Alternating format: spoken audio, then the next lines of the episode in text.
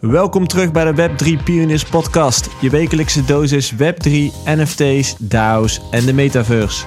In deze wekelijkse show ontdekken we hoe de digital creators van vandaag de wereld van morgen bouwen. Deze show wordt gesponsord door High Five, het Web3 agency van bureaugroep Handpicked.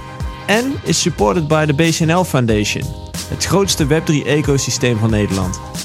En dan de wekelijkse disclaimer. Wij geven geen financieel advies. Web3 kan geweldig zijn, maar tegelijkertijd kan er ook nog heel veel misgaan. Dus, do your own research and don't blame us. Dat waren de huishoudelijke mededelingen voor nu. En dan beginnen we nu aan de aflevering van deze week.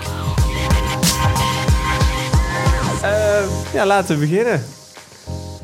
Welkom Danny. Ja. Dankjewel. Spreker en docent. Auteur van Data Bedreven Marketing. En podcasthost van De Groene Nerds en De Nieuwe Koers. Dat klopt. Leuk dat je er bent. Dankjewel. En uh, wij hebben vandaag een primeur, begreep ik. Uh, ja.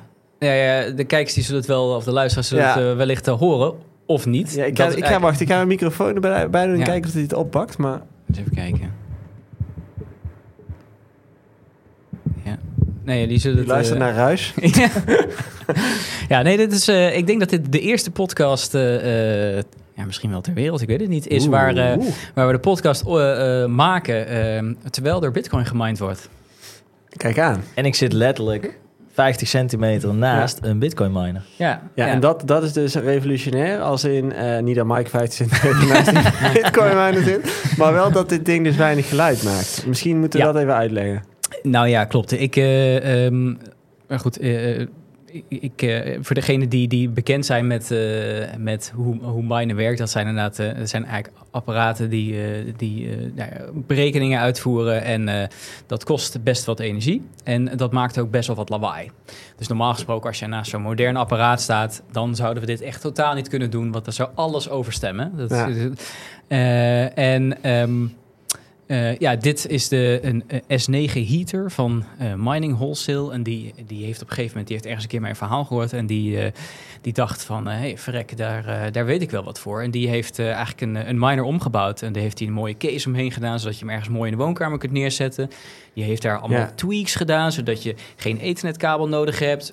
zodat het geluid allemaal veel minder is. Ja, want hij ziet er een beetje uit als die oude Mac Pro waar we het over ja, hadden. Die ijzeren kast van ja. Apple. Daar, of de Xbox. Ja, of de, of de Xbox. nieuwe Xbox inderdaad, maar dan in het zilver. Klopt. Ja, klopt. Ja, en eigenlijk gewoon met, met, met dus het idee dat je dit dus in je woonkamer of nou ja, in dit geval in de studio uh, kunt neerzetten. De boel verwarmen. Kun je je hand er eens ophouden? Is, is die inmiddels... Uh... nee, er komt gewoon een stabiele, warme ja, toch? uit. En ja. wat, wat voor, heb je een graden idee? Het voelt een beetje als uh, Agadir. Een goede feun in de zomer? Eind mei. Oké. Okay. 42 graden.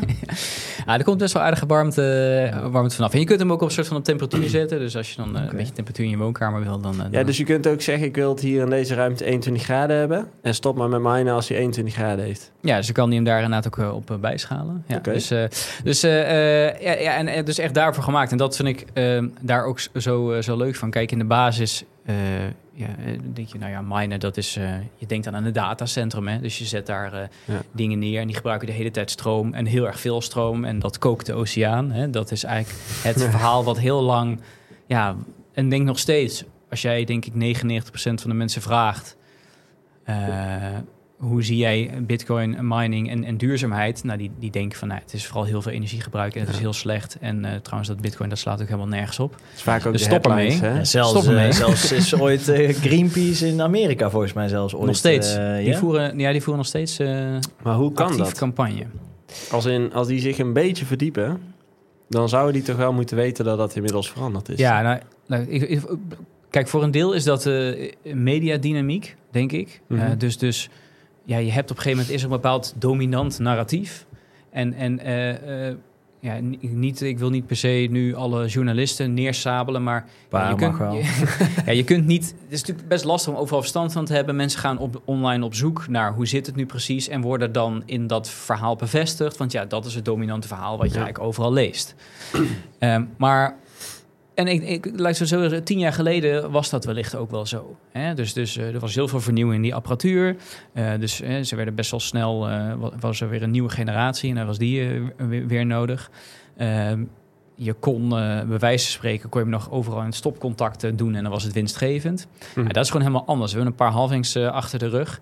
Eh, en we zitten nu eigenlijk in een situatie dat eh, mining, als jij nog winstgevend dit wil doen, eh, dan moet jij, er is eigenlijk maar één ding belangrijk, namelijk dat je goedkope stroom hebt. Dat is eigenlijk het allerbelangrijkste. En, oké, ja. En eh, waar, wat is eigenlijk, wat is tegenwoordig, wat is goedkope stroom? Nou, goedkope stroom is eigenlijk de stroom die niemand wil. Overschot. Overschot. En het kan zijn of geografisch, dus dat het op een plek is waar Mhm. niemand het wil. Want we denken heel vaak van ja, stroom, hè, je steekt iets in een stopcontact en het doet het. Maar nee, eh, je kunt stroom niet eh, makkelijk opslaan. Je kunt niet eh denken van god, de zonnepanelen, nou, eh, die eh, wekken nu lekker veel op. En dan Ja. gebruiken we dat vanavond. Nee, Ja, want dat, dat, het, het moet, het moet altijd, het is, het is net water, het moet ergens heen. Zeg maar, Ja. Je kunt het niet Het laat zich moeilijk het verplaatsen. Hè? Dus het is moeilijk verplaatsbaar en moeilijk op te slaan. Ja, klopt. Dan heb je inderdaad veel verlies eh, Ja. als je dat inderdaad verplaatst. Dus dat kan ook maar beperkt. Dus het liefst wil je het eigenlijk... Ja, normaal gesproken wil je dat niet te ver uit elkaar hebben. Ja, klopt. Ja, en dan heb je natuurlijk batterijen, maar ook maar een x bepaalde capaciteit waar, da- waar, wat daarin kan. Ja. Ehm, en wat ik me kan herinneren is dat afgelopen zomer in Nederland, hè, als we daar even op inzoomen, dat het eigenlijk de eerste zomer was waarin overschot ontstond op het moment dat de zon scheen. Dat er eh, meer energie was dan gebruikt werd. Ja, dus dat is eigenlijk... eh, ik, denk- ik denk dat als je het een soort een beetje in perspectief plaatst... is dat eigenlijk jarenlang was het zo... dat de energie werd aangepast aan wat wij nodig hadden. Mhm. Dus nou ja, je wordt ochtends wakker, je, je, je zet eh, de lamp aan, je denkt, eh, ik zit in, eh, in een koffie, zet het koffiezetapparaat aan en, en misschien broodrooster. Nou, net als heel Nederland, je ziet bij wijze spreken Nederland zo langzaam aangaan. Dus daarmee ook de vraag naar energie. Nou, vervolgens eh, gaan mensen op pad, dan daalt dat wat. En je ziet eigenlijk s'avonds een beetje hetzelfde patroon ontstaan. Want ja, we gaan allemaal eten, de ovens die gaan Ja, aan. Eh, het wordt weer donker, dus de, de lichten. Je komt thuis, dus de verwarming die wordt weer even opgeschroefd. Ehm, ja, dus je ziet eigenlijk eh, ja, een beetje een soort van twee pieken op de dag en daarna zakt het wat in. Nou, wat gebeurde er? We hadden eigenlijk altijd kolen en gas en altijd een beetje kernenergie. Nou, ja, dat kun je daar op zich prima aan aanpassen. Dan schaal je dat een beetje op, Mhm. loopt zo langzaam op en daarna pas je dat weer aan. Dus dat, ja, dus dat functioneerde eigenlijk heel goed. Maar goed, toen wilden we graag naar duurzame energie toe. En eh, in Nederland is dat zon en wind. Eh, het probleem daarmee is, is dat... Wat heb je nog de- meer voor vormen aan duurzame Nou, energie? eh, waterkracht bijvoorbeeld. Ja. Dus dat is met name in Scandinavië hebben ze dat veel. En ook wel aardwarmte. En, maar ook dat zit een beetje Scandinavië, IJsland en zo. eh, maar dat heb je niet zo hier. Ja, Maar dat wind, is- wind en zon zijn de meest voorkomende volgens mij. in toch? Nederland dan? Ja, in ieder geval eh, eh, Ja. in Nederland. Ja. Ja, ja, En, eh, ja, zeg, ja, en, het, en het nadeel van wind en zon is dat het is er als... Ja, je hebt, je hebt energie als de zon schijnt of de wind Ja. waait. En daarbuiten niet. En, dat, is, een beetje, dat, en daar, dat is meteen de grote uitdaging. Want ja, nou kunnen we ineens nu meer niet onze energieverbruik aanpassen aan wat we nodig hebben. Maar moeten wij gaan omdraaien. Is dat we moeten gaan gebruiken wanneer die energie er is. Ja. En nou, dat heeft, eh, ja, dat heeft eh, nogal wat impact. Onder andere dat eh, nou, er tegenwoordig steeds meer leveranciers zijn die dynamische energieprijzen aanbieden. Die dus eigenlijk zeggen van oké, als er dus inderdaad heel veel overschot is, hè, wat je net zei, bijvoorbeeld omdat er inderdaad heel veel zon is, Mhm. dan is de prijs dus ook laag. Want ja, er is heel veel aanbod. Eh, dus we maken dat goedkoop, zodat nou, er een financiële prikkel komt... dat zoveel mogelijk mensen dat gaan gebruiken. En dan bijvoorbeeld, hè, ik zag jullie hebben hier ook allemaal mooie laadpalen buiten staan... eh, zonnepanelen op het dak. Ik zag eh, in jullie eh, kantine fancy grafiekjes met eh, de energieverbruik per kwartier. Ja, dat dus, is hier allemaal gemeten hoor. Ja, jullie Ja, zijn... we met- zijn bezig ook om eh, B Corp te worden. Ah, oké, Daar zijn we ook ver mee al eh, Ja. op weg. Dus Tof. dat klopt. De oude bananen wordt eh bananen de taart van gebakken. Ja, en eh Volgens mij alle, is alle plastic nu ook alle weg plastic inmiddels. is er eh, Sinds zo goed als allemaal uit. Oké, cool. Ja, dus het is echt... eh, ja. Ja, leuk. Ik vond het leuk van het scherm dat het dus daarmee ook inzichtelijk wordt. Ja. En ja. natuurlijk het mooie is, is als je dus inderdaad die, die auto's hier laat. Nou, auto's, dat is echt perfect. Want die kun je eigenlijk perfect aanpassen aan... eh, ja. want ja, je kunt... eh, het- wat er normaal gesproken gebeurt... Bij wijze van spreken met een elektrische auto. Je rijdt naar huis, la la la la. Komt thuis en gaat dan de auto aansluiten. Want ja, je gaat morgen weer naar werk. Dat is dus echt precies verkeerd. Want je gaat eigenlijk heel veel stroom gebruiken... precies omdat de rest van Nederland het dan eigenlijk ook nodig heeft. Ja. En het zou veel handiger zijn als dan jouw laadpaal bijvoorbeeld zelf beslist van... nou, prima voor nu, maar vannacht waait het heel veel, dus ga dan maar laden. Hè, dus dat hij zich gek aanpast aan eh, wanneer er dus inderdaad heel veel... Ik kan het zeggen, de zon, zon is er niet, dus Ja, dan dus moet de- het op... eh, Ja, dus deze vind ik al interessant, want mijn, in mijn hoofd merk ik dat mijn eerste aanname was dat ik denk van, eh, ik redeneer het vanuit mijn eigen huis, waar, Ja. waar wel wat zonnepanelen op liggen. Ik heb, ik heb geen windmolen. Maar je, je hebt natuurlijk ook, maar je hebt natuurlijk ook gewoon het, het, het grid van het energieleverancier. Ja. Die, die heeft misschien wel wind s'nachts. Klopt. Ja, ja, dus inderdaad voor thuis geldt het met name met, eh, de- daar geldt het natuurlijk dus met name zonne-energie. Ja. Maar inderdaad het grid aan zich, eh, daar zit ook heel veel wind op. En dat is inderdaad niet bij mensen thuis, residentieel zoals ze dan zeggen, maar dat is inderdaad Ja. industrieel. Dus dat is inderdaad nou ja, de windmolens die je ziet op zee en op land. Dus En- gaat jou meer, eh, om het voorbeeld dat je wil geven, denk ik om de timing. Dus je komt thuis om half zes, zes uur, dan doet heel Nederland zijn auto Ja. eh, inprikken. moet je eigenlijk niet doen. piekbelasting is dat weg, weg Dat toch? moet je eigenlijk niet doen. Ja, nou, het zijn eigenlijk twee, twee problemen. Dus eh, eh, enerzijds is, is balans. Mhm. Dus inderdaad de vraag en aanbod die in balans zijn. Dat heeft heel erg hiermee te maken. Mhm. En het tweede is ook wel, dat is, vind ik zelf wel een moeilijker onderwerp hoor, maar de transportcapaciteit. Dus het moet ook van A naar B. En dan is het wel handiger om dingen vooral lokaal op te lossen. Mhm.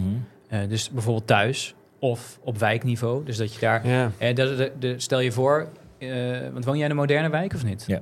Oké, nou ja, dus dan hebben waarschijnlijk heel veel huizen zonnepanelen. Allemaal. Ja, en heel veel huizen, misschien relatief gezien, hebben misschien wel dan een elektrische auto. Eh, maar dat wil niet per se zeggen dat dat slim wordt gebruikt. Maar daar zou het, het net heel erg helpen Mhm. als... eh, naast dat het natuurlijk heel fijn is dat al die huizen zonne-energie opwekken... dat inderdaad die auto's daar ook een beetje op afgestemd worden. Want dan, anders is het zo dat al die huizen tegelijkertijd... bam, al die zonne-energie op het net gooien. Ja. Ja. ja, en dat moet dan inderdaad ergens naartoe. Want iemand moet het dan afnemen. Maar moet je dan er naartoe dat in een wijk een batterij komt? Of dat er een windmolen eh, midden op het speelveld staat waar je omheen voetbalt? Of hoe, Nou ja, eh, uiteindelijk inderdaad, eh, uiteindelijk moeten vooral dingen slim worden. Ja. En, eh, en dan inderdaad, eh, het liefst, eh, ik denk dat als je het met een beetje met het wegennet eh, vergelijkt, van het liefst stuur je niet alles de snelweg op, maar los je het inderdaad in de wijk op. mhm. Eh, en dat kan eh, inderdaad, nou, dat kan inderdaad met een batterij zijn. Ehm, maar dat kan ook, eh, ja, dat kan op allerlei, allerlei verschillende manieren. Kunnen inderdaad auto's, eh, die kunnen dat zijn. eh Ja. ehm, ja, het kan op, allerlei, eh, allerlei technieken die je daarvoor kunt toepassen. Ja. En nou worden natuurlijk sowieso steeds meer dingen in ons huis slim. Als in eh, lampen, speakers, eh, koelkasten, eh, noem het allemaal maar op. Alles begint een soort smart te worden. Behalve jouw barbecue. Die is, Een barbecue is nog dom. Heel dom. Nou trouwens, nee, daar zitten ook al Bluetooth-meters met temperatuur. Ja, alles. Serieus? Ja, Een barbecue? Ja, die kun je gewoon inprikken, je- weglopen, krijg je een app, een push-notificatie, je vlees klaar. Dat is grappig. Ja. Ik krijg altijd een notificatie ontvangst weggevallen. Moet je dichter Ja. bij, dat voelt niet als ja, maar goed. Nee, maar Een goed. beetje denken van die vissers die dan gewoon lekker bier zitten Precies, drinken. en dat bliep, bliep, bliep. Nou, Kaper maar- aan de lijn. Zelfs tot aan daar, dus zelfs de meest analoge vorm boven vuurkoken wordt al digitaal gemaakt eigenlijk. Eh, of smart gemaakt. Ehm, ergens zou je dan denken dat dat dus wel een, een, een ja, meest logische vorm is of zo om, ehm, om, om apparaten te laten laden inderdaad. Of wasmachines aan te laten schieten, auto's te laten laden. Op momenten dat er dus inderdaad overvloed is. Zie je dat ook als een van de meest logische ehm, manieren om dit op te lossen? Of... Ja, kijk, uiteindelijk wel. eh, Kijk, de, de technologie is één ding, maar de andere kant is ook gewoon gedrag. Ja. Kijk, eh, daarom doe ik, vind ik het belangrijk en leuk om, om te vertellen. Is een beetje een stuk enthousiasme aan de ene kant, wat ik heel leuk vind, maar ook wel om daarin proberen mensen mee te nemen. Want mensen willen wel graag verandering, maar willen niet graag veranderen. Ja. En dat is eh, altijd het moeilijke, want ja, dit betekent wel iets in verandering. En eh, op korte termijn in ieder geval. Kijk, lange termijn, plaatje zou je kunnen schetsen, alles wordt slim. En daarom beslissen dingen, dingen. Dus de technologie beslist automatisch en daar heb je verder geen last van. Mhm. Korte termijn, ja, is niet alles slim. En ja, zul je, dus al- als ik thuis mijn laadpaal aansluit, dan moet ik inderdaad wel eventjes instellen, of mijn auto op mijn laadpaal aansluit, moet ik even instellen, oké, hij is nu op een derde opgeladen, ik wil morgen om acht uur weg, Ja. eh, en dan regelt het zelf. Maar moet, die moet ik wel, ja, ik moet wel zelf even de kabel aansluiten en ik moet wel even dat... Praat er niet met je agenda of... eh, Nee, ja. nee. En hetzelfde geldt natuurlijk, eh, ja. En, en sowieso met niet alles gaat het, hè. Kijk, wij hebben een gezin met drie kids thuis. Ja, wij kunnen niet al onze wasbeurten en drogers zeg maar aanpassen aan de prijs. Want ja, het is ook gewoon, ja, op een bepaald moment moet het gewoon achter elkaar gebeuren. En als je twee wassen en twee keer moet drogen op, op een dag, ja, dan, dan, dan kan ik het ook niet aanpassen. Dus er is ook maar gewoon een deel wat je kunt aanpassen. Maar het zou wel heel waardevol zijn als er gewoon voor het deel wat wel prima aanpasbaar is, dat mensen dat gaan doen. En Ja. dat, dat vraagt gewoon best wel hoop qua gedrags.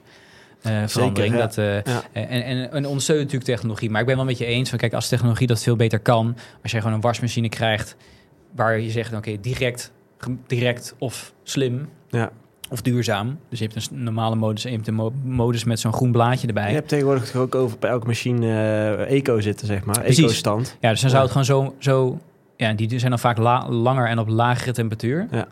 Maar als, je, als, dat, als daar op een gegeven moment ook informatie over die prijzen bij komt... Ja, dan is dat Ja, natuurlijk het max. En dan precies. hoeven mensen er niet meer over na te denken. Dus uiteindelijk gaat het zeker daarheen. Ja. En op korte termijn eh, ja, is het meer wat Aanpassen. nerden en Ja. aanpassen. En eh, ja, Ja, de, re- de, re- de reden denk ik ook waarom wij eh, jou graag te gast wilden in de show is hè, van er is natuurlijk een bepaalde noodzaak in de wereld om meer bezig te zijn met duurzame energie vanwege klimaatverandering onder andere. Ook heel praktisch voor je portemonnee als je kijkt naar eh, de, oorlog in eh, Oekraïne en, en de afhankelijkheid naar Russisch gas. Maar dit is natuurlijk de Web3 Pioniers podcast. Er is ook een hele technologische revolutie gaande op het gebied van eh, blockchain technologie en crypto en tokens en NFT's. En ja, als, als, als, hè, jij bent ook act- actief en werkzaam ook in de crypto-industrie. We hadden het in het voorgesprek al even over dat eh, er ook best wel wat parallellen te trekken zijn tussen eh, mensen die er een interesse in hebben. Ja. Hoe, ehm, ja, hoe, hoe is dat voor jou zo gegroeid en waar zie jij kansen liggen voor de toekomst? Eh, ik denk, eh, zo- dat is echt persoonlijk hoor, maar wat me persoonlijk een beetje aanspreekt in beide is dat ehm, het ene is dat ik het heel interessant vind om te doorgronden, omdat het enerzijds hele complexe systemen zijn, maar tegelijkertijd dat ik het als uitdaging zie om dat juist op een toegankelijke manier te brengen. Want ik denk door juist die, in, de- in de basis, zoals met heel veel dingen, is het in de basis helemaal zo ingewikkeld niet.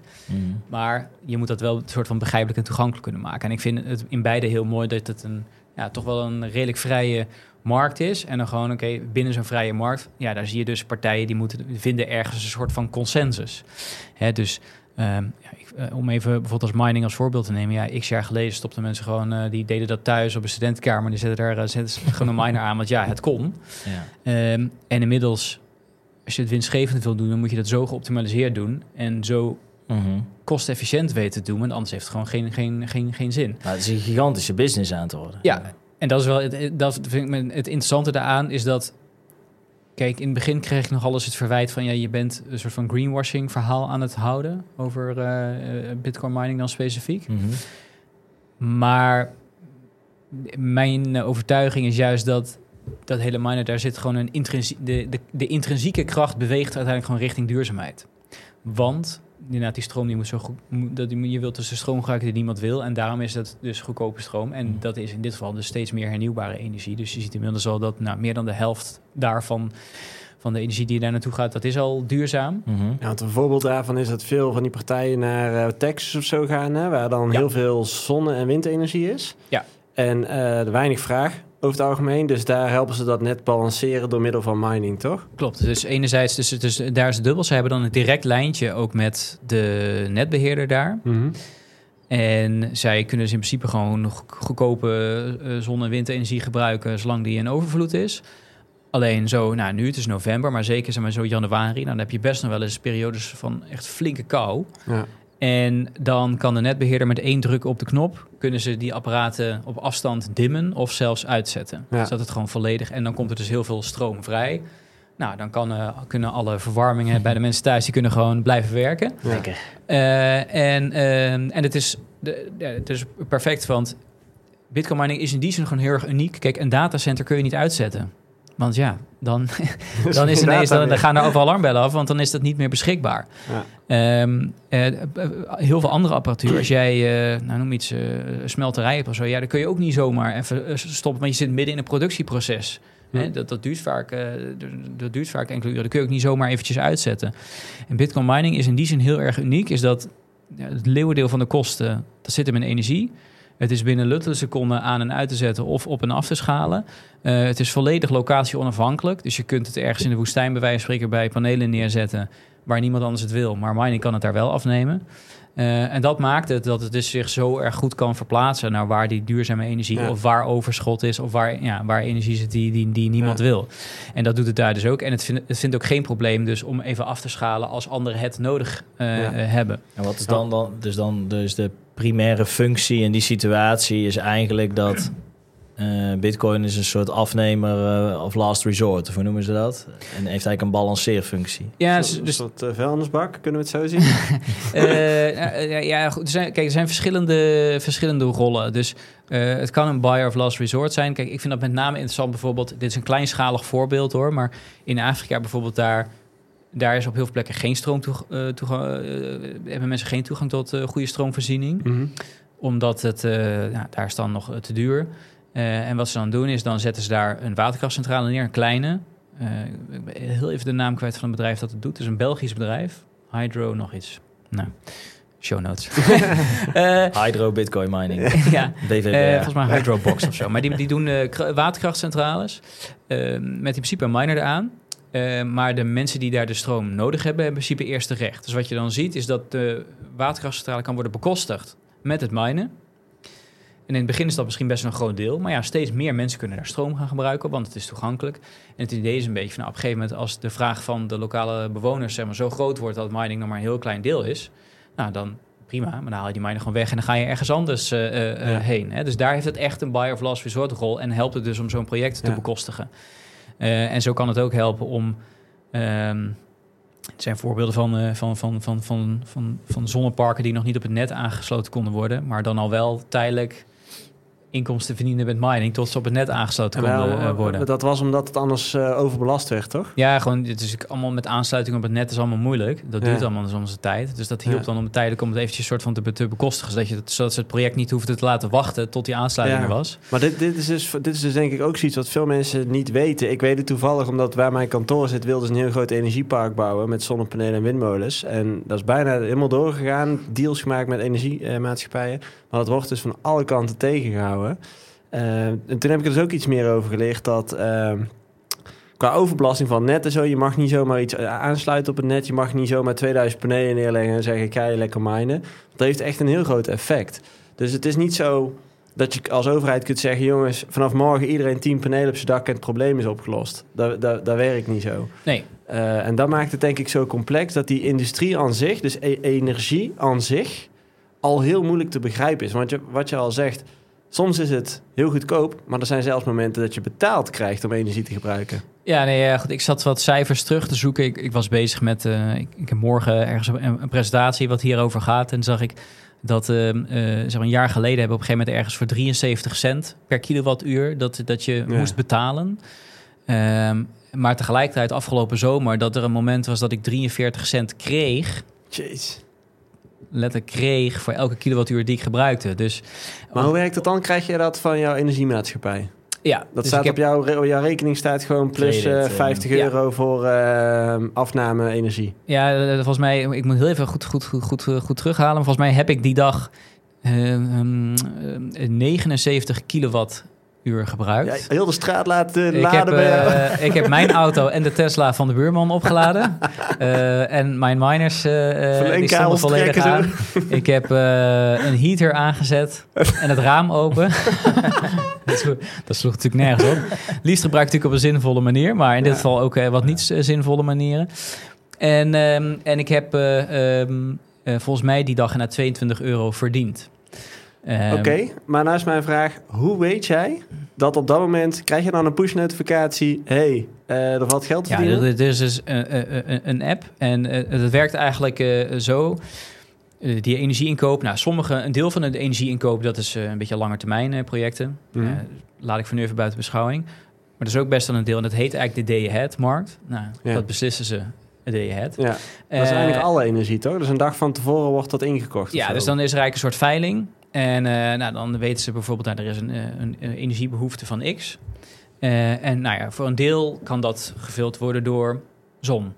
En voor een deel kan dat gevuld worden door wind. Maar dat is niet genoeg. Dus dan is daarna is nog kernenergie nodig. Nou oké, okay, dat is weer ietsje duurder. en, maar daarna is er misschien ook wel gas mm -hmm. nodig.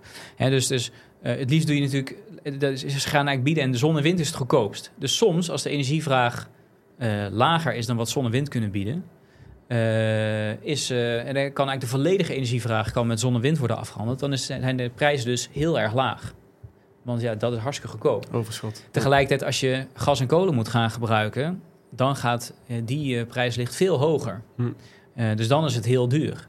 En dus het hangt maar net van het moment af. Hè? Dus als het zo 's ochtends vroeg is, er is nog niet heel veel zon en wind, maar iedereen gaat daarna die stroom gebruiken en het is geen weekend, want in het weekend ligt de prijs ook doorgaans hoger, Hm. eh, lager.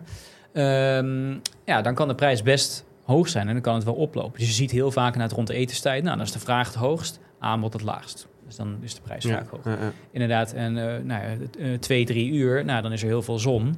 Eh, de vraag is wat lager, nou, dan zie je al vaak dat het goedkoop uitvalt. En soms is het zo, kijk, ja, jij zei al, hè, ik heb zelf zonnepanelen thuis. Nou, ik heb er zelf ook zonnepanelen. Nou, half Nederland heeft zonnepanelen op het dak. En er wordt heel veel stroom teruggeleverd. Alleen, ja, iedereen zegt, ja, er is zoveel, ja, ik hoef niet meer.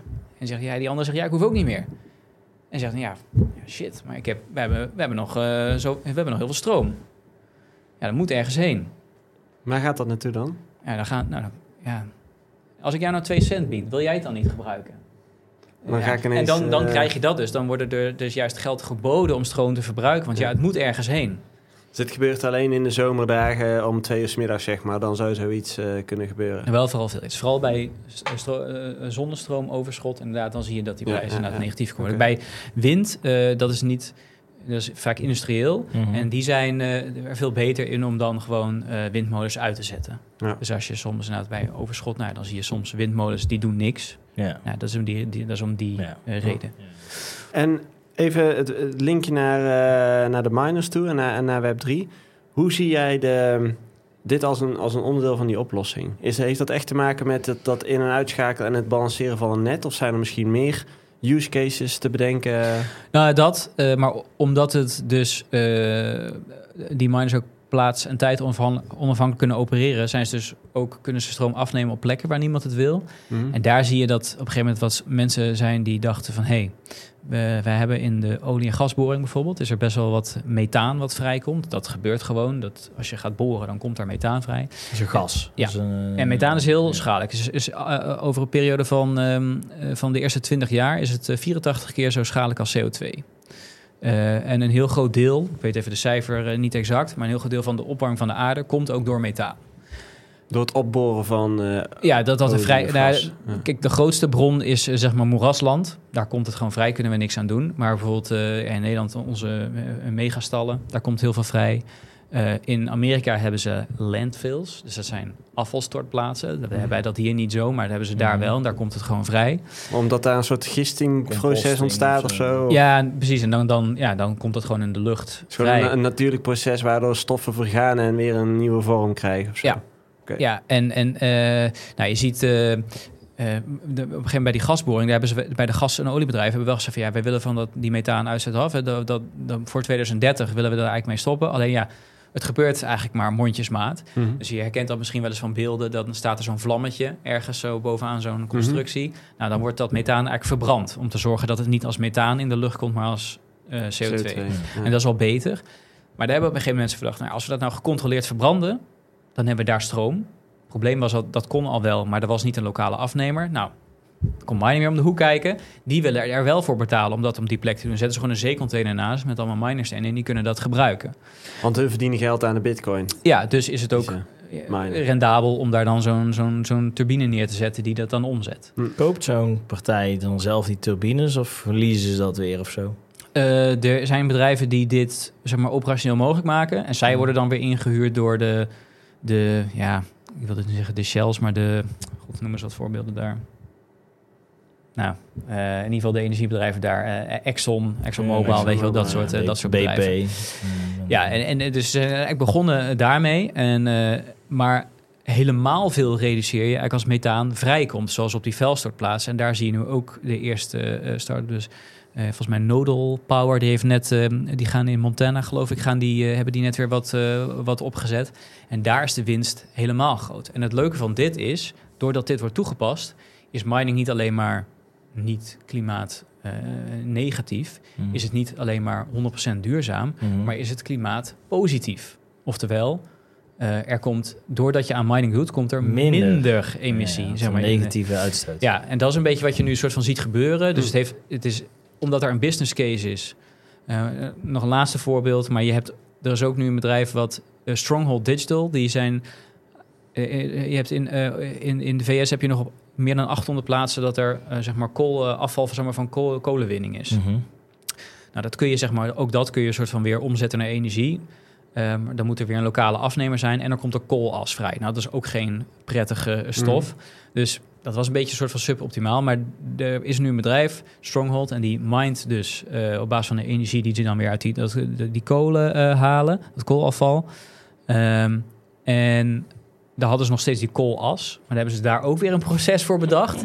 Dat ze daar zeg maar, de schadelijke stoffen uit kunnen halen. Met de direct air capture heet dat dan. Maar dan kunnen ze extra van daar uit de lucht halen. En dan hou je de stoffen die daaruit vrijkomen ja, dan kun je echt gewoon weer het land weer gezond maken. Zeg maar. Kan het gewoon weer ergens anders voor Ah, gebruikt dat worden. is Dus, een soort eh, bemesting. Ja. Of, eh, Ja, want land kun je ook uitputten. Hè? Als, er, Ja. als alle voedingsstoffen uit de grond gaan, dan groeit daar ook niks meer. ja, dus ik weet niet exact hoe dat zit. Maar in ieder geval dat koolas is ook, dat is ook gewoon wel echt giftig. Dus dat is ook wel echt... Dus dat dat wil je je... eigenlijk niet hebben. Het is eigenlijk een restproduct dat je niet ja, wil. dus dat wil je, eh, precies, dat wil je net niet hebben. En hiermee, daar kunnen ze dan niet direct... Daarmee, met het laatste stukje kunnen ze niet minen. Maar dan winnen ze weer...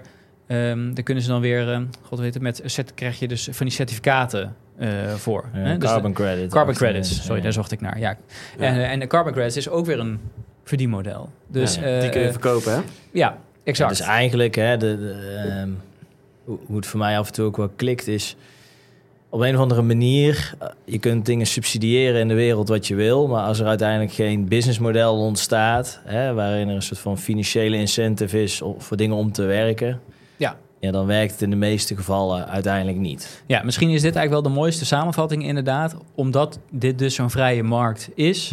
De, en het dus een soort van race to the bottom is van hoe het zo goedkoop mogelijk is. Dat er dus alles wordt gedaan in die verdienmodel om te kijken van oké, hoe kunnen we dus dat zo goedkoop mogelijk maken. En dat zit hem nu, in de weg naar beneden, zit hem alleen maar in hele duurzame oplossingen. En Ja. ja, en, ja dat zo... eh, Ja, want ook het, het is eigenlijk ook het, het, het, eh, het afvalproduct van bedrijf A, wat voor hun eigenlijk niks waard is en potentieel zelfs geld kost, omdat ze eh, moeten afval moeten opslaan of verwerken of afstochten. Dat komt nu eigenlijk iemand gratis ophalen, ja. omdat het voor hun weer een grondstof is om iets anders te maken wat wel waardevol is. Ja.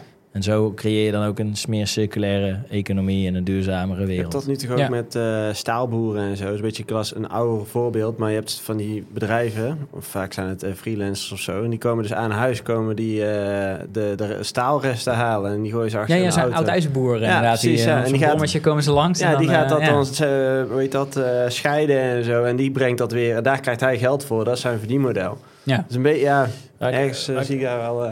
Waar ik nog wel nieuwsgierig naar ben, of ik, ik weet eigenlijk niet of jij daar eh, iets van af weet of over kan vertellen, anders moet je het ook zeggen. Maar ik heb ook wel eens eh, wat blogposts langs zien komen over, als ik me goed herinner, is het bijvoorbeeld een appartementencomplex met een soort vereniging van eigenaren. Waarbij je altijd zo'n discussie hebt van gaan we wel of niet in zonnepanelen Hmm. investeren. Een deel wil het wel, een deel wil het niet. Ja, de mensen die dan wel investeren zijn dan de enigen die de stroom mogen gebruiken. Ja, ja. Je zit soms ook met, met verwarming van zo'n pand en zo.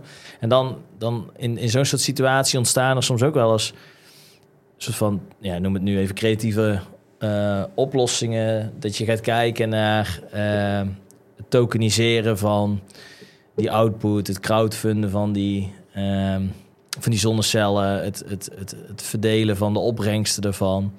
Eh, en dat daar eigenlijk ook vaak dus blockchain technologie, tokenization, eh, van alles bij wordt gebruikt om uiteindelijk dus zo'n ja, de duurzaamheid en, zo'n, en de leefbaarheid van zo'n pand te verbeteren, zeg maar. Is het iets waarvan jij zegt, ja Mike, daar herken ik, daar kan ik iets over vertellen? Of zeg je wel? Nou, dat niet per se, maar ik, eh, kijk, ik zie wel heel erg, weet je, als het gaat. eh, Natuurlijk een beetje een soort van belofte van wat blockchain zou kunnen zijn, is dat je Mhm. hè, daarmee dingen kunt aantonen. En zeker dingen die op schaal zijn. En dat, eh, weet je, als je dan toch hebt over eh, nou ja, bijvoorbeeld inderdaad carbon credits, dat is gewoon best wel een loesje, Mhm. loesje markt nog. Want je- Ja. het is eigenlijk, eh, eh, je kunt zeggen van op het moment dat je dus eh, emissies uit de lucht haalt, dan maak je dus klimaat positief. Nou, Mhm. dat kunnen we denk ik allemaal nog wel snappen. Maar het is ook he- voor het voorkomen dat die uitstoot er komt, kun je ook carbon credits krijgen. Dus als ik nou heel slim ben, ik ben een dictator en ik zeg, nou ja, ik, eh, eh, laten we dat eh, bos kappen. En dan zeg ik, oh nee, toch niet. Eh, heb je het voorkomen. en dan, dan heb ik het er voorkomen. Ja, ja, goed alleen bezig. Dat, ja, maar dat heeft natuurlijk een andere waarde dan als ik zeg van inderdaad dat ik een technologie bedenk waarmee ik het uit de lucht kan halen of iets dergelijks. Dus, Mhm. en dat is best nog wel, die carbon credits markt is best wel qua betrouwbaarheid ja, daar valt nog wel een hele hoop over te zeggen. Dus er zijn nu een soort van rating agencies die zeggen dan van, nou, dit is een, dit, dit- deze credit heeft een Mhm. AA-status of iets dergelijks. Maar Ja. daar zit ik nog wel... Rating agencies, dus volgens mij eh, was dat in 2007, 8 in Amerika ook een probleempje, toch? Ja, Die de banken of zo eh, rating eh, gaven. ja nee, klopt. Dus, dus Dus daar, niet echt heel te betrou- betrouwbaar allemaal. Nee, dat klopt. En daar zijn wel inderdaad wel allerlei start-ups. Volgens mij was er een tijd geleden ook eentje bij de Cryptocast... die dus hier dus mee bezig waren. Die dat dus op de blockchain wilden zetten... zodat het inderdaad Mhm. controleerbaar was Ja. en dergelijke. Wat ik zelf altijd eh, het lastige daarbij vind... maar daar weten jullie zijn jullie misschien dan meer in thuis dan ik... is hoe je dan dat dingetje op de blockchain weer kunt koppelen aan een daadwerkelijk fysiek iets. Hè? Dus dat het zit denk ik toch altijd nog een vertrouwenscomponent in. Dus dat hetgene wat daadwerkelijk in de realiteit gebeurt, dat dat ook ja, zo ik denk dat je, dat je hetzelfde eh, vraagstuk zit daar met eh, supply chains. Hè? Dus als jij cacao of zo, hè? Dus, dus gewoon van, Ja. van, van de zaden tot oogsten tot, eh, tot, verschepen. Van, ja, hoe weet je nou dat er niet mee gerommeld is in, in die keten? En dat is een deel, denk ik, eh, of tenminste wat vaak van mensen uit die industrie is meer gebruik maken van sensortechniek, hè, IoT-devices, Internet of Things. Dus eigenlijk gewoon apparaatjes die online zitten, die automatisch handelingen doen. Want ja, dat is code, dat is programmeerbaar. Ja. Dus betrouwbaarder dan eh, de mens, om het zo maar te zeggen. Ja. Dus dat is denk ik een belangrijk onderdeel. Ja, met die carbon credits heb ik wel eens gehoord dat je inderdaad bedrijven hebt die letterlijk een, een, een geolocatie koppelen aan satellietdata, foto's en weet ik het wat. Dat je letterlijk Ja, je boompje ziet staan dat die geplant is, om het zo maar te zeggen. Maar hoe vaak die... eh, ja, hoe, hoe vaak die foto wordt doorverkocht op een verschillende chain voor dezelfde... Ja, dat, weet- dat weet Ja. ik echt niet.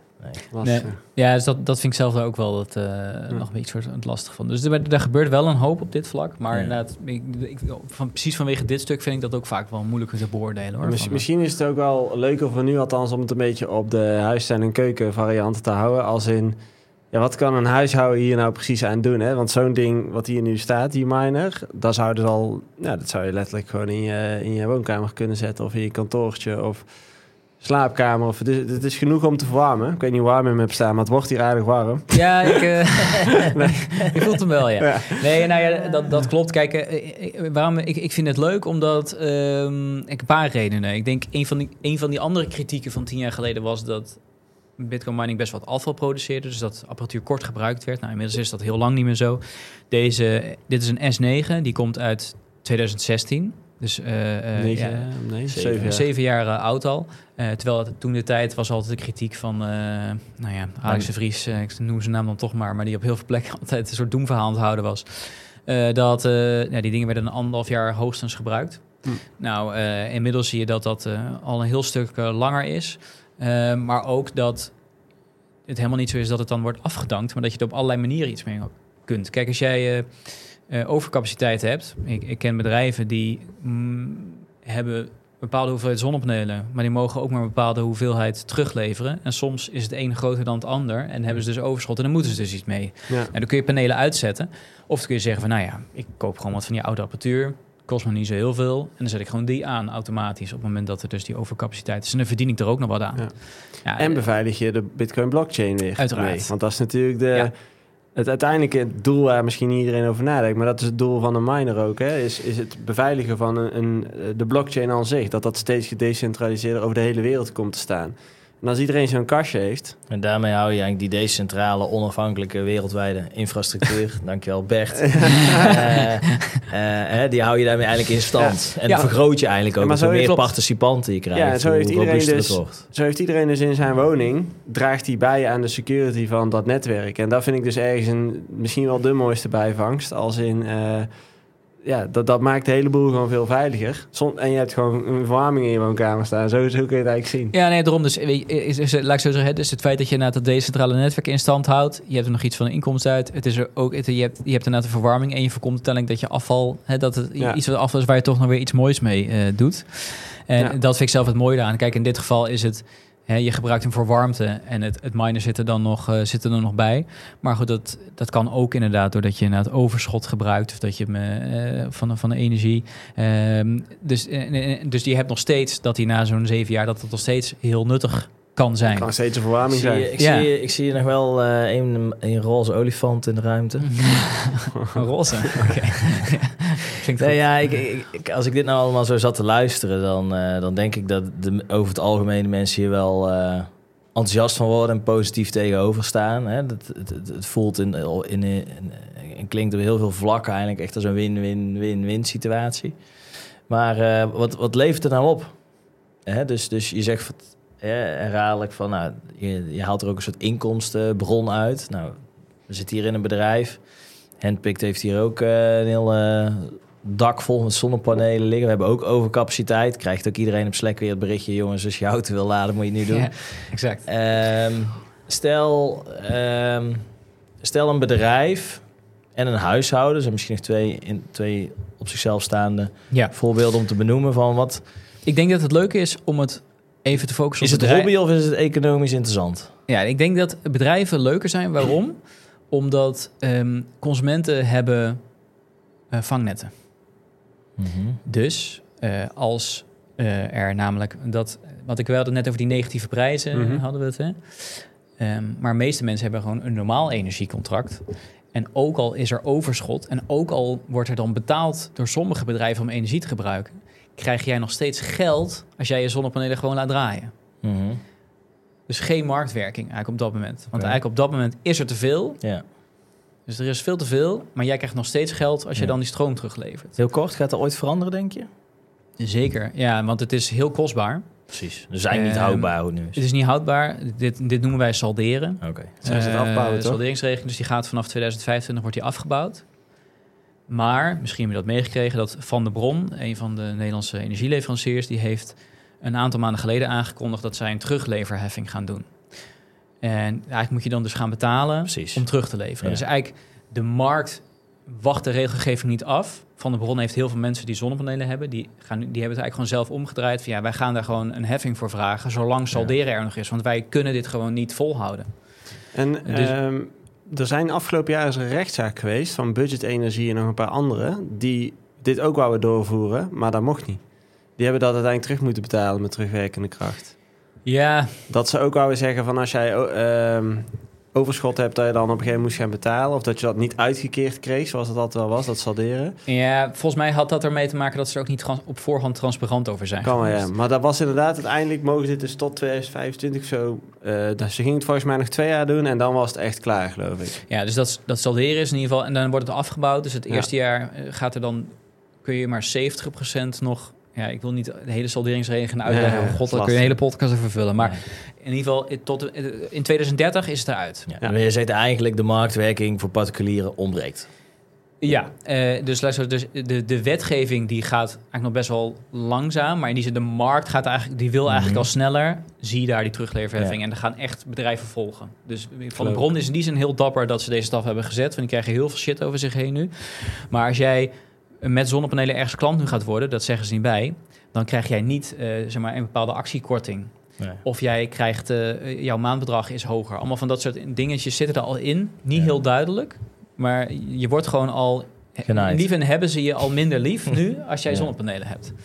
Maar daar, en die marktwerking die moet er meer in gaan komen, zodat we ons ook moeten gaan aanpassen op Hm. basis daarvan. Maar bedrijven die hebben dat al minder. Dus bedrijven die hebben soms al zo'n harde teruglevering, zodat ze soms, dus dat zal hier voor jullie ook gelden, dat als er dus inderdaad op een gegeven moment dat jullie heel veel zonne-energie opwekken, eh, maar eh, dat jullie misschien niet meer mogen terugleveren, of dat je Mhm. het wel kan, maar dat misschien dat qua prijs niet gunstig is. Ja. Dus bedrijven vind ik wel interessant. Dus ik denken, wat was je originele vraag ook eigenlijk weer voordat ik. Nou, of het, wat het dus echt opbrengt. Dus of het een Oh, ja. soort van hobby is om, om dit te doen. Of is er ook Ja. echt voldoende financiële prikkel. Hè? Word, word je rijk van het bitcoins mine of word je rijk van de boete die je niet krijgt vanwege een teruglevering? Ja, en ik denk zeker hier in Nederland. Kijk, ehm, ik zei al van, ja, goed, ik kom weer op terug. Maar eh, voor mij, eh, dat zoekt de energie die niemand wil. Ja. Nou, in Nederland hebben we een heel dicht bevolkt land. Eh, Mhm. Hier is heel weinig energie die niemand wil. Dus dat is eigenlijk vooral op een moment dat je dus overcapaciteit van zon hebt, dan speelt dit. Ehm, maar ja, bijvoorbeeld bij waterkracht of iets dergelijks, is daar Dat is vrij constant. ja, is vrij constant. Daar kan het veel langere periodes zijn dat er overschot Mhm. is. Maar goed, in Nederland is het daarom, zal het altijd een combinatie van zijn. Je gaat Mhm. hier puur zeg maar, vanwege het minen dat in Nederland eh, doen. Het zal denk ik niet zo heel snel gebeuren. Dus je moet dat dus vaak een combinatie van. En Mhm. Ehm, wat daarin steeds belangrijker wordt en waar bijvoorbeeld ook batterijen op gaan inspelen, en daar hebben we het dan nu niet echt over, maar batterijen zitten ook een beetje in deze markt, is dat, ehm, ehm, nou, ik zei al, we hebben de day-ahead-markt. Dus denk je, nou, morgen komt er heel veel zon, Ja. dus goedkope, morgen wordt de stroom goedkoop. Nou, dan denk je, ja, mooi, dan ga ik morgen mijn auto laden. En inderdaad, s- smiddags eh staat, er, eh, zijn dus die prijzen laag. Dus jij gaat, eh, de, de- gaat dat, die stroom Mhm. afnemen. Alleen, wat blijkt nou? Er zijn heel veel wolken. En die hadden ze toch niet zo verwacht. Dus er was eigenlijk ingecalculeerd dat er heel veel zon zou zijn. Daar zijn de prijzen ook naar. Alleen op de dag zelf ja, valt de hoeveelheid zon tegen. Ja, dat is ook lastig. Wat gaan we dan doen? Nou, dan is er dus ook nog een intraday-markt... die dus op de dag zelf eigenlijk nog een soort veilingprincipe heeft. Complexe systeem. ja, exact. Laat het allemaal makkelijk houden, hè? Ja, eh, en dit is eigenlijk, hier wordt nu nog niet heel, dit is het voor nu het domein van bedrijven. En er werd eigenlijk voorheen werd daar gezegd, mijn vader die heeft bij een chemiebedrijf eh, gewerkt. Mhm. En er werd dan inderdaad gewoon gevraagd van, nou, willen jullie nu je capaciteit even stilleggen, Ja. want er is stroomtekort. Heb ik wel eens gehoord, ja. Dan bellen ze Tata Steel of zo, Ja. weer de grote fabrikant op. En dan zeggen Oh, ze, eh, een beetje meer, een beetje meer, jongens. Ja, en dus zo. een beetje... Klopt, en, je, en, daar, en daar zit dus een vergoeding aan. En die vergoeding, eh, daar word je nog veel sterker voor beloond. En dit is ook wat dus in Texas eh, eh, Ja. ge- gebeurt.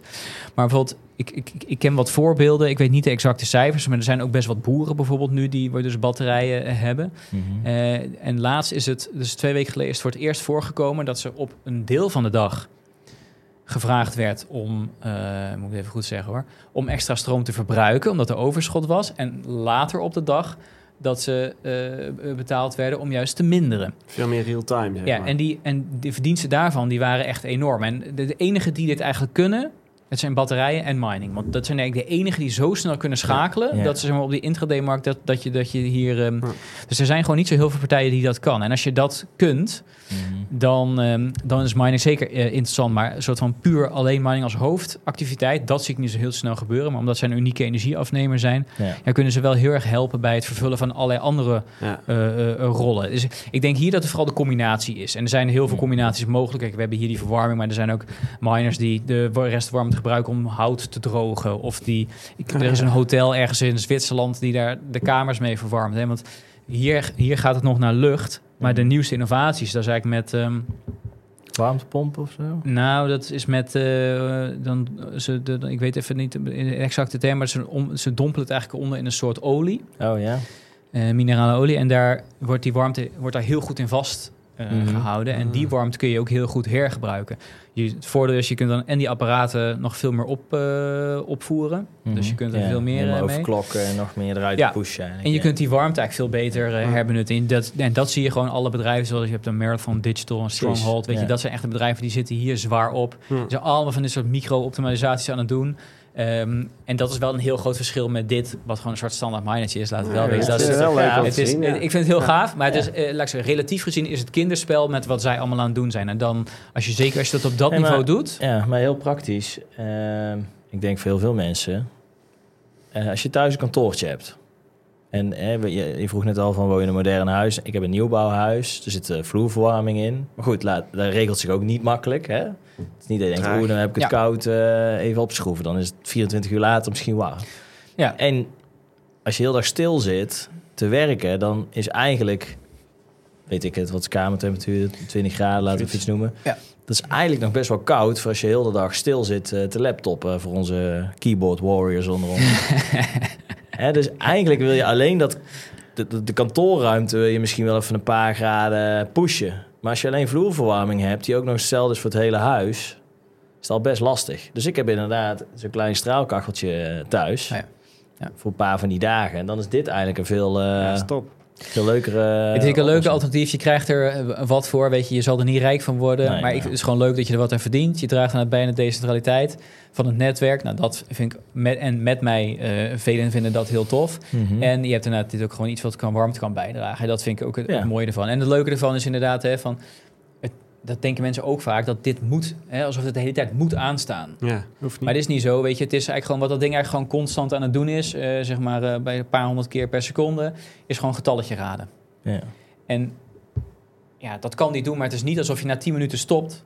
dat je iets verloren hebt. Zeg Ja. maar. Hij ga, ja, je, hebt, je mist alleen de tijd om nog meer getalletjes te raden. Ja. Hè? Dus, dus, Ja, ja. En eigenlijk gewoon, dus de, de, gewoon de tijd wanneer je getalletjes kunt raden, ja, dan deel jij ook mee in de inkomsten. Dan draag je bij een decentraliteit. Heb je wel eens gekeken naar eh, hoe- in hoeverre ehm, zo'n machine meer of minder eh, energie verbruikt dan bijvoorbeeld een eh, straalkachel waar je bij de Aldi koopt voor twee tientjes? Vroeg mij eigenlijk ook Ehm, af. ja, maar volgens mij minder, als ik dit zo hoor. Want een straalkachel Oh, is jij, volgens jij mij... schat in op geluid. Nee, nee, maar volgens mij is een straalkachel bij mij is 2500 watt, kilowatt. Ja, dus ik heb er thuis eh, inderdaad eh, ook wel ergens nog eentje in berghok staan. Die gaat ernaar tot eh, 2000 eh, ja, watt. je hebt zoiets tussen de 1500 en 25 volgens Ja. mij zitten ze ergens. Ja, dus kijk, ehm, je kunt natuurlijk best je kritisch op zijn als je het met een warmtepomp vergelijkt. In de warmtepomp gebeurt natuurlijk van alles om die, en dat heet dan COP-waarde. Maar het is eigenlijk Veel hoeveel energie je erin stopt en hoeveel warmte haal je Ja. eruit. Daar zegt het iets over. Ja. En die zijn heel erg efficiënt. Eh, kijk, en dat ga je met zo'n ding niet verslaan. Maar bij straalkachel, daar ben ik zelf, ik, dit is, die wil ik graag ook nog uitzoeken. Want mijn aanname is ook een beetje dat dat niet per se heel erg Ja, soort, van, soort van uit elkaar ik ben geen kenner, maar als ik deze cijfers hoor, dan denk ik dat er enigszins wel te vergelijken valt. Ja, nee, dat zou, eh, Ja. dat zou zeker best wel... eh, Ja, als je dat eens uit zou willen zoeken, ben ik heel ja, benieuwd. ja, ja, Ja, want anders Ga ik ga ik zo'n ding aanschaffen. Lijkt me heel leuk. ja. Ehm, we zijn eigenlijk wel aan het einde gekomen. We zijn al 50 minuten bezig. ja, zoveel. Hè? Eh, nog steeds niet uitgepraat. Maar, ehm, En we hebben het volgehouden met, eh en het, met het onze is hier nog steeds Kijk, warm. nou, Ja, lekker warm zelfs. Ja, Ja, ik wel- zeggen, Ja. ik zou er eh, lekker warm aan toevoegen. minder. Ja. Jij zit natuurlijk het dichtstbij. Dat, Ja. En dit is gewoon nog, wat is het? Dit is 25 vierkante meter Nee, studio? Veel, veel Ja. meer, joh. Dit is, dit is echt wel 40, 50 vierkante meter. Oké. ja, dat is Dus, waar. Dat is best wel eh, aardig nog. Ja. Ja. Heel, Dus, eh, nou, Experiment ook- geslaagd. En een hoog plafond ook. Dus, eh, Dat is de waar. hitte gaat eerst natuurlijk omhoog hè, en dan Ja. pas. eh.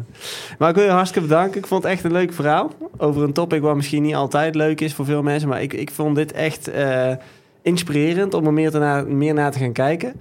En ook vooral thuis om eens te gaan kijken van hey, hoe, eh, hoe gebeurt dat nu thuis en hoe kan ik dat anders gaan doen. Dus eh, Ja, dus zeker. En ik, dat wil ik nog doen voor de mensen die soort van dit leuk vinden. Om ook misschien te experimenteren, experimenteren met thuis. Ik zal jullie nog even een linkje toesturen. Maar ik ben zelf net Oh ja. de laatste hand aan het leggen aan een soort gids van hoe je eventueel zo'n manager zelf kunt aanpassen op dynamische prijzen. Oh ja, Dus leuk. mocht je Oh, dat nou- hebben. Mocht je een beetje eh, hè, eh, zelf ook een beetje het leuk vinden om een beetje te nerden, is dan, dan eh, laat ik zo zeggen. Ik ook. Ik ben zelf trouwens verder geen programmeur of zo. Ik vind belangrijk om te zeggen. Ik heb nee, jij bent een eh, groene nerd. Zo ja, ik heb een marketingachtergrond. Ik, dus ik heb wel, ik, ik, ik wil, eh, ja goed, ik heb wel een beetje verstand van de techniek en ik kan een beetje HTML en dat soort eh, dingetjes. Maar, maar dit is echt wel, je hoeft er geen eh, raketwetenschapper voor te zijn om dit te Nee, dan denk ik dat wij zeggen. hetzelfde Dus zijn, dus dan hoor ik graag, eh, dan Ja. krijg ik graag die stappenplannen, want dan eh, ga ik daar toch eens naar kijken. Waar eh, kunnen mensen jouw eh, podcast eh, vinden? eh, Podcasts, ja, dus, eh, nee, klopt. Ja, dus eh, als je het leuk vindt om eh, zelf bezig te zijn met, eh, nou, met dit soort onderwerpen, dus met duurzaamheid en daar zelf mee te nerden, dan eh, eh, raad ik je zeker aan om de Groene Nerds te luisteren. Eh, dus die, die vind je, nou ja, als je het googelt of op de podcastplatforms Ja. opzoekt, die vind je het.